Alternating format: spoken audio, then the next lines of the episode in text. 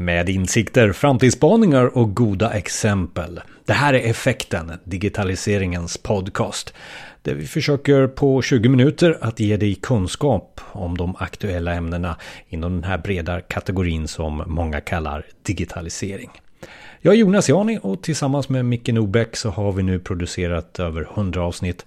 De finns på effekten.se eller där du hittar dina övriga poddar. Starta gärna en prenumeration och tipsa gärna dina kompisar. Och det där med att tipsa, det får du gärna göra direkt också. Eh, vem ska vara med i podden här längre fram? Vi försöker hitta konsulter och experter som kan det här med digitalisering från olika infallsvinklar. Så hör av dig. Eh, e-mailadress till exempel info snabela effekten.se eller eh, så finns vi också på sociala medier, till exempel LinkedIn.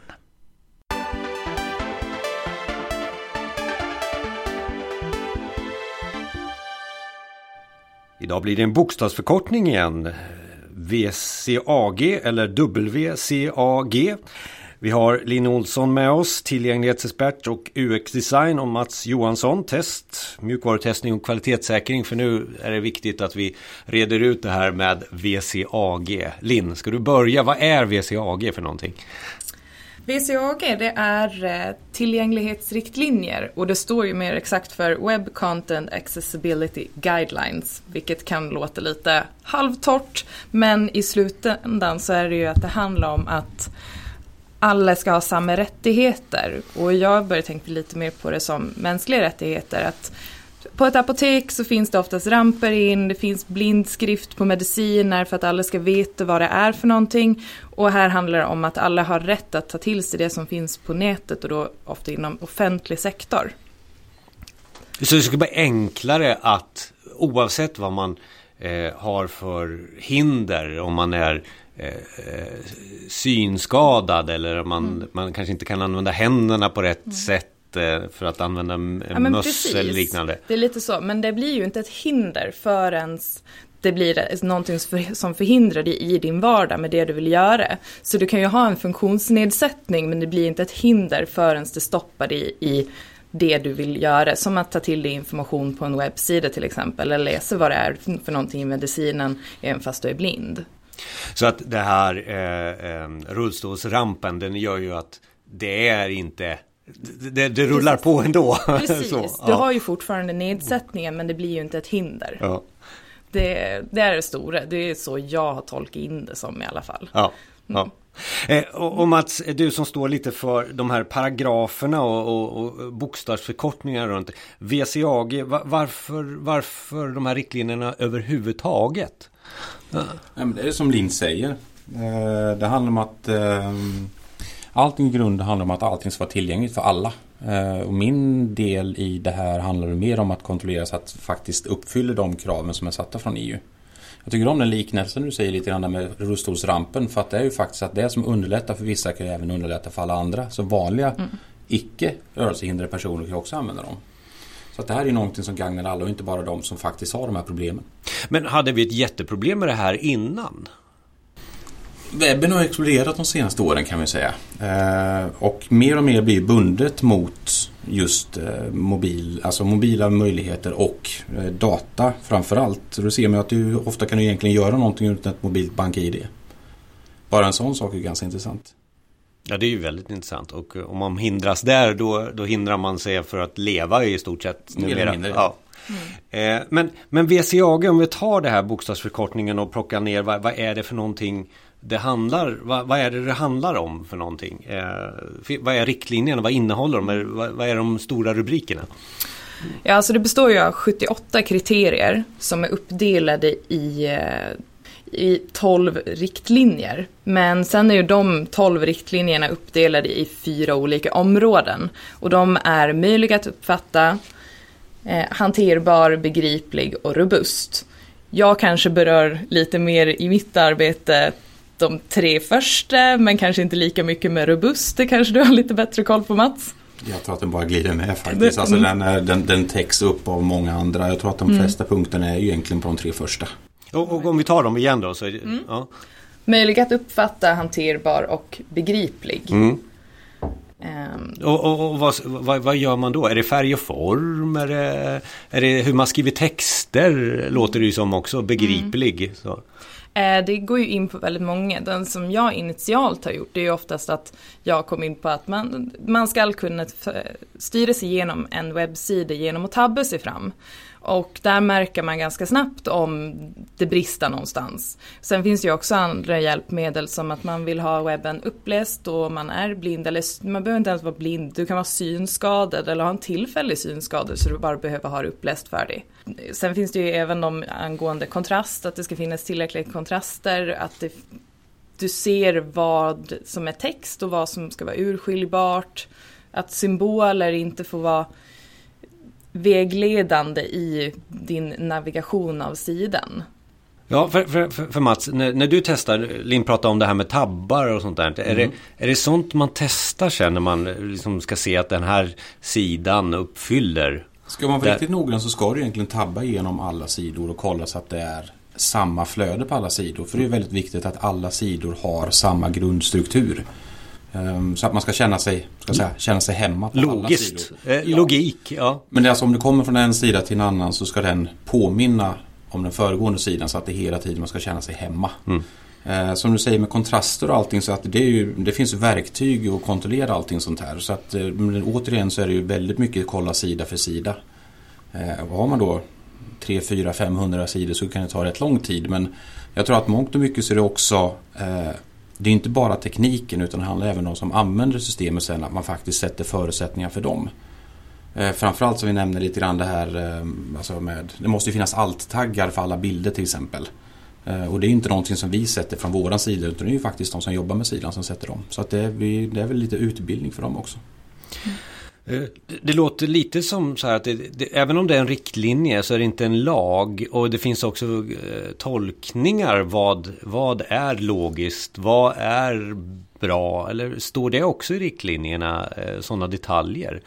För att eh, det är svårt, det är subjektiv bedömning oftast. Är det här bra eller dåligt? Så. Alltså det är jättesvårt. Jag sitter och brottas lite med det eh, nu på senaste. För att vissa saker, de, vissa saker är väldigt hårda. Det ska finnas de här kontrasterna på sidan. Men eh, hur mycket text, jag har testat väldigt mycket med responsivitet. Att det ska vara möjligt att se på olika storlekar och skärmar. Och problemet som uppkommer då är att det finns väldigt många avgöranden att få, det är också där det kommer in för mig som designer att du kan inte ha tre spalter på en väldigt smal sida och tro att det ska få plats med massa texter. För att helt plötsligt så är det någon som har dålig syn som behöver förstora det gånger fem. Och att läsa en bokstav per rad, det funkar ju inte. Så det blir ju sånt man upptäcker när man väl ser på sidan. Jag vet inte om det finns exakt i riktlinjerna men det är ju någonting som du måste som testare och se på sidan om det funkar eller inte. Ja, det är bra som du säger för att det är inte bara egentligen innehållet och det som ni gör utan det är ju också alltså, vilka tekniska förutsättningar den som besöker sidan har. Har den en värsting supermonitor med upplösning 8000K eller någonting eller sitter den med en, en liten 21-tummare från 1999, jag vet inte riktigt när den kom. Då är det ju olika förutsättningar och det finns ju det är omöjligt egentligen att testa allt. Men det står i direktivet att man ska kunna kommunicera och se sidan på rätt sätt. Och, och hur gör du då? När du, har du en fokusgrupp som du använder när du testar? Eller är det bara din bedömning av att det här funkar, det här funkar inte? I, i ett första läge så går man igenom med verktygen och ser så man kan gallra bort det mesta. Och sen så är det ju väldigt mycket kontroller som man gör visuellt, både med och utan verktyg. Eh, sen är det, det finns ju intressegrupper som man kan ta kontakt med som har då som du säger, de här nämnda alltså, funktionsnedsättningarna, de här eh, ja, handikapp med eh, rörelsehinder, synskador, hörsel och allting sånt där. De är ju faktiskt väldigt behjälpliga mångt och mycket. Men om vi skulle bli lite konkreta på exempel Linn då, på, på hur, hur gör man när man Okej, okay, den här är inte VCAG godkänd just nu, den här webbsidan eh, offentlighets och webbsida. Va, va, vad är de första grejerna som man kan säga det här är bra exempel på, här börjar vi och det här är det som, som, som är lågt hängande frukt kanske man kan kalla det också. Mm. Ja, den främsta jag tänker på det är en som jag upptäckt jag lekte runt lite, kollade på olika webbsidor och väldigt många har ju det här, eller måste ha det här cookie-medgivandet.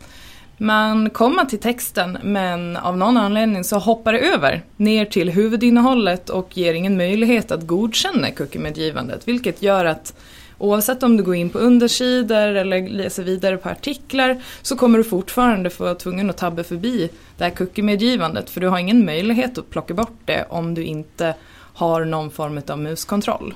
Så någon form av tankar runt navigering med, med på ett annorlunda sätt än mus eh, mm. eh, kan man vara första steget. Mm. Är det någonting inom färg och form man behöver, så här, mer kontrast, eh, mindre kontrast, lite färger, större typsnitt? Ja men absolut, det är ju någonting som är extremt viktigt också väldigt många gånger har jag blivit förvånad. Vissa saker ser man ju direkt, att du kanske inte ska ha en svart bakgrund med en mörkröd text. Det är ganska självklart för väldigt många att det inte blir så bra läsbarhet. Men jag har ju då använt mig av verktyg också för att kontrollera de här kontrasterna. Och det är väldigt många kontraster som inte håller och det är ju främst på länkar jag upptäckt att det är ett stort problem. Och sen vidare med sådana här verktyg kan man ju även upptäcka att ikoner kanske inte har en alt-text. Att den förklarar inte vad den här ikonen är. Det är jättebra för oss som kan se att det är en telefonikon och sen ett telefonnummer efter. Men det blir bara som en radde siffror för någon som inte kan se den här telefonikonen. Är det någonting att tillägga där Mats? För du som jobbar nära utvecklarna som jobbar med, med, med webbsidor. Vad är det första du brukar klandra ner på, håller på att säga, men nästan, nästan, nej men nästan, ja. återigen lågt hängande frukt att det här ska vi tänka på när vi utvecklar det här nu. Ja, men det, det som Linn säger faktiskt, det är nog att det är visuellt rätt. Eh, för att det är det första man ser egentligen. Är det någonting som avviker, att man, som du säger, man har då en mörkröd text på en svart bakgrund, är det knappt så att jag ser det. Um, sen är det väl lite grann, bara som du nämnde länkar och sådana grejer, ofta det måste ju vara understruket så man ser att det är en länk. Men för en person som har en synskada så ser inte den att det är understruken länk. Så att för, för dem är det ju strunt samma. Men likväl så är det någonting som man klankar ner på det första man gör. Mm. Uh, färger är faktiskt väldigt viktigt. Det finns mm. ju, just färgblinda är ju ganska, ska jag säga, förbisedd kategori av personer som har funktionsnedsättning och de är ju, alltså det är tre olika versioner av eh, färgblindhet så att det är ju olika ska säga, gravheter. Mm. Och det är ju olika förutsättningar för alla så att det är, jag vet inte riktigt om riktigt har tänkt där eh, mm. just med VCAG-direktivet. Har vi några mer exempel här? Jag, jag kan hoppa in, det, det, det, det finns massvis. Du kan till exempel bara ta med eh, vi satt och diskuterade förut faktiskt lite grann här med, eh, med 2.1 som är det nya som gäller nu efter att de har gjort en liten uppdatering med mobila enheter och sådär. Ja, för det, heter 2.0 och sen 2.1. Ja, eh, beslutet togs på 2.0 men sen har det kommit en uppdatering på 2.1 och de har pratat om att det kommer en 3.0 20 2025 ja. 2 någonting. Ja. Och just det vi pratade om då nyss det var med video. Att det måste vara, egentligen om du har en livesändning så måste videon vara live-kommenterad för att man ska uppfylla då trippel, ja det är egentligen dubbel A. Det är dubbel A. Det är dubbel A. Mm. Och dubbel A är det direktivet som de pratar om. Det finns ju tre kategorier kan man säga. A, dubbel A och trippel A. Så det är inte batterier som någon trodde. ja. Eh, det här är ju intressant och när vi ändå är igång där och pratar versioner kan vi, kan vi prata lite datum? För det finns ju varför vi står här och pratar om det här idag. Det handlar ju om att vi har passerat september 2019. Det innebär att då skulle alla nyutvecklade webbsidor stödja VCAG 2.0 va? Mm. Mm. Eh, Men vi har ju en annan deadline eh, nästa år med 23 september 2020 och då är det då alla befintliga webbplatser ska uppdateras till det. Sen finns det en tredje deadline med alla publika appar som är 2021 fast den är 23 juni. Alla är den 23 någonting. Så att, så att, vi stressar på här lite och, ja. för dig som inte är riktigt med i det här så är, så är, så är just det här en introduktion till att ta, börja ta det här på, på allvar för det är de riktlinjerna som Kan man eh, bli eh, åtalad för det här Mats på något sätt? Ja, först och främst så ska vi nog gå tillbaka till det som Linn sa förut. Att det gäller egentligen bara som myndigheter, eh, samhälls, alltså samhällsnyttig verksamhet eh, och de här lite större Eh, så att Peter Anderssons bilskrot i Borlänge kanske kan ta det lugnt. Men jag tror att det handlar väl om viten. Jag kan tyvärr inte riktigt siffrorna men det kan nog göra ont. Om man inte uppfyller det. Ja, förlåt Elin. Nej, jag är ju bara lite förvånad för att jag ser inte varför inte till exempel e-handel och sådana företag hakar på det här också. För det är ju en väldigt stor användargrupp. Alltså det är ju en jättestor målgrupp som de kommer åt. Vad är siffrorna? De brukar ju säga en av fem har någon form av funktionsnedsättning. Även om den kan vara temporär så det är ju väldigt många som på något sätt någon gång kanske har en funktionsnedsättning som en ögonskada eller en hörselskada eller liknande. Det är en målgrupp. Man kan, mm. Pengarna kan styra också ja, för precis. att man ska följa riktlinjerna. Ja. Mm. Mm. Alltså e-handel handlar ju inte heller längre bara om till exempel Bokus eller Amazon eller någonting. Det är alltså ICA Maxi eller eh, ja, Kreti och Pleti egentligen. Alla olika ställen har egentligen så man kan köpa grejer på nätet numera. Och det är Verkligen. ju ganska viktigt. Så att det här på, när på slutet så måste vi ju ge de här riktlinjerna en riktlinje. Eh, hur, hur lyckas man med VCAG helt enkelt? Linn, ska vi börja med dig? Um, jag vill trycka på att det handlar väldigt mycket om empati.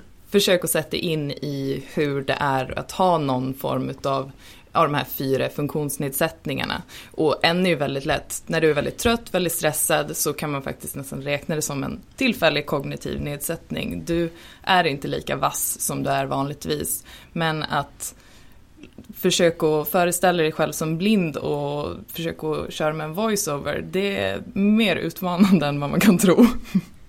Och, och Mats, eh, här vill vi ju följa något papper som vi skriver ut någonstans och så ska vi, gör vi någon checklista. Kan vi få, finns det något sånt? Ja, det, det, alltså på nätet finns det väldigt bra sidor som man kan hitta alltså checklistor både i, alltså i eh, pdf-format, Excel-format, överallt som man kan checka av. Eh, men återigen så vill jag väl trycka på att det handlar inte bara om det som vi gör på den tekniska sidan utan även att man ger förutsättningar och egentligen begränsningar att de inte ska till exempel kunna missa en alttext när användaren lägger in information. Ehm, det är väl egentligen, och framförallt lite grann vara klara med när man då ska säga genomför justeringar på sina webbsidor exakt vilka delar av VCAG man faktiskt påverkar för att jag, jag erkänner faktiskt, jag har varit dålig. Vi ska stödja VCAG 2.0 men man beskriver aldrig riktigt vilken del man ska stödja med respektive funktion och justering framförallt. Nej, men, men det går att ladda ner de här eh, riktlinjerna någonstans också? Ja, ja. ja. Mm. Eh, det finns på tillgänglighetsdirektivet.se Och webbriktlinjer ja, och dig.se ja. och... Eh, Väldigt lätt att ja. söka på VCAG så kommer det få... Och det, det stavas i WCAG ska vi också mm. eh, komma ihåg. Eh, och vi kommer lägga ut länkar också till det här på, på, eh, på vår sajt här förstås. Är det något mer att tillägga sådär som vi har missat under diskussionen om just eh, det är riktlinjer och, och, det är bra för, för alla. Eh, det är det jag summerar hela den här diskussionen om. Men är det något mer sådär som vi, vi har du några rekommenderade verktyg Mats? Eh, ska de vara gratis eller ska de kosta pengar? Både och. Nej, det finns, eh, finns enkla verktyg som du kan eh, hitta på nätet som är gratis. Eh, där man enkelt kan kolla kontraster, du kan kolla kombinationer med färger och bokstäver, alltså teckensnitt och dylikt. För att det är också någonting som är ganska stort i AA i alla fall. Det är väl 14 pixlar minimum tror jag. Mm. Och rubriker ska vara 18 eller 20 och sånt där. Och sen är det kontrast, det finns, det finns väldigt mycket information om färgblinda.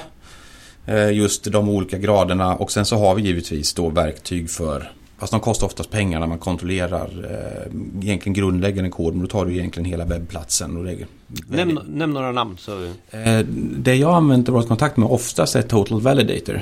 Heter det. Eh, mm. Man egentligen söker igenom en hel sida och det tar 10 minuter kanske. Och sen har du en, eh, får du en rapport den är fortfarande kanske har lite grann att önska men efter ett tag så har man faktiskt rätt eh, bra information att gå på. Mm.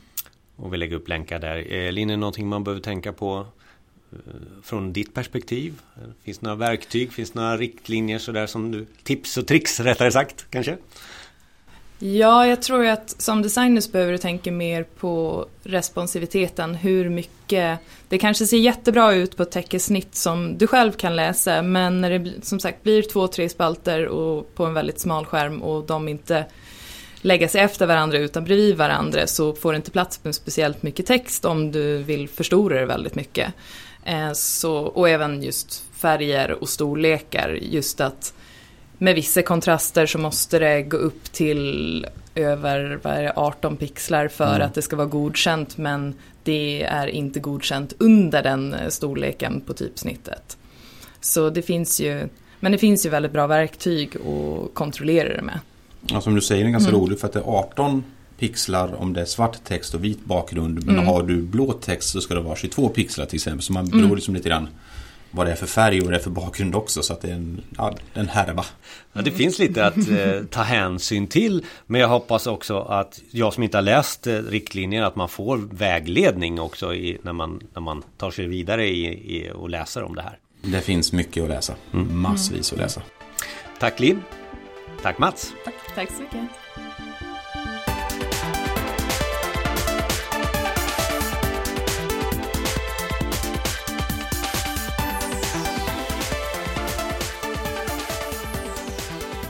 Digitaliseringens podcast. Har du inte börjat prenumerera så går du in där på din favoritkatalog över podcast, söker på effekten och sätter igång en prenumeration. För vi försöker uppdatera dig med det senaste som gäller inom digitaliseringen. Också ta dig till de här praktiska sakerna, alltså hur du lyckas med de olika ämnena som du är intresserad av. Vi försöker att göra de här goda exemplen till någon form av genomförande också. Eh, och du kan även gå in i en grupp som heter Digitaliseringen i praktiken, en grupp som finns på LinkedIn där jag och många andra konsulter och de som är intresserade av digitaliseringen finns och just diskuterar det här med, med hur lyckas man i praktiken. För min filosofi är att det handlar om ett dag till dag arbete och en förändring som sker dag för dag. Det är ingen powerpoint-presentation som, som medför att helt plötsligt så är vi digitaliserade eller jobbar med digitalisering. Så digitalisering i praktiken, ett forum som jag rekommenderar som finns på LinkedIn. Och sen rekommenderar jag också förstås effekten.se. Vi har alla avsnitt där samlade. På effekten.se så, så, finns ju då även blogginlägg som kompletterar avsnitten till exempel med länkar vidare om eh, mer information om ämnet som tas upp. Och nästa gång ska vi prata om Silicon Valley. Är det fortfarande relevant? Vi hörs då.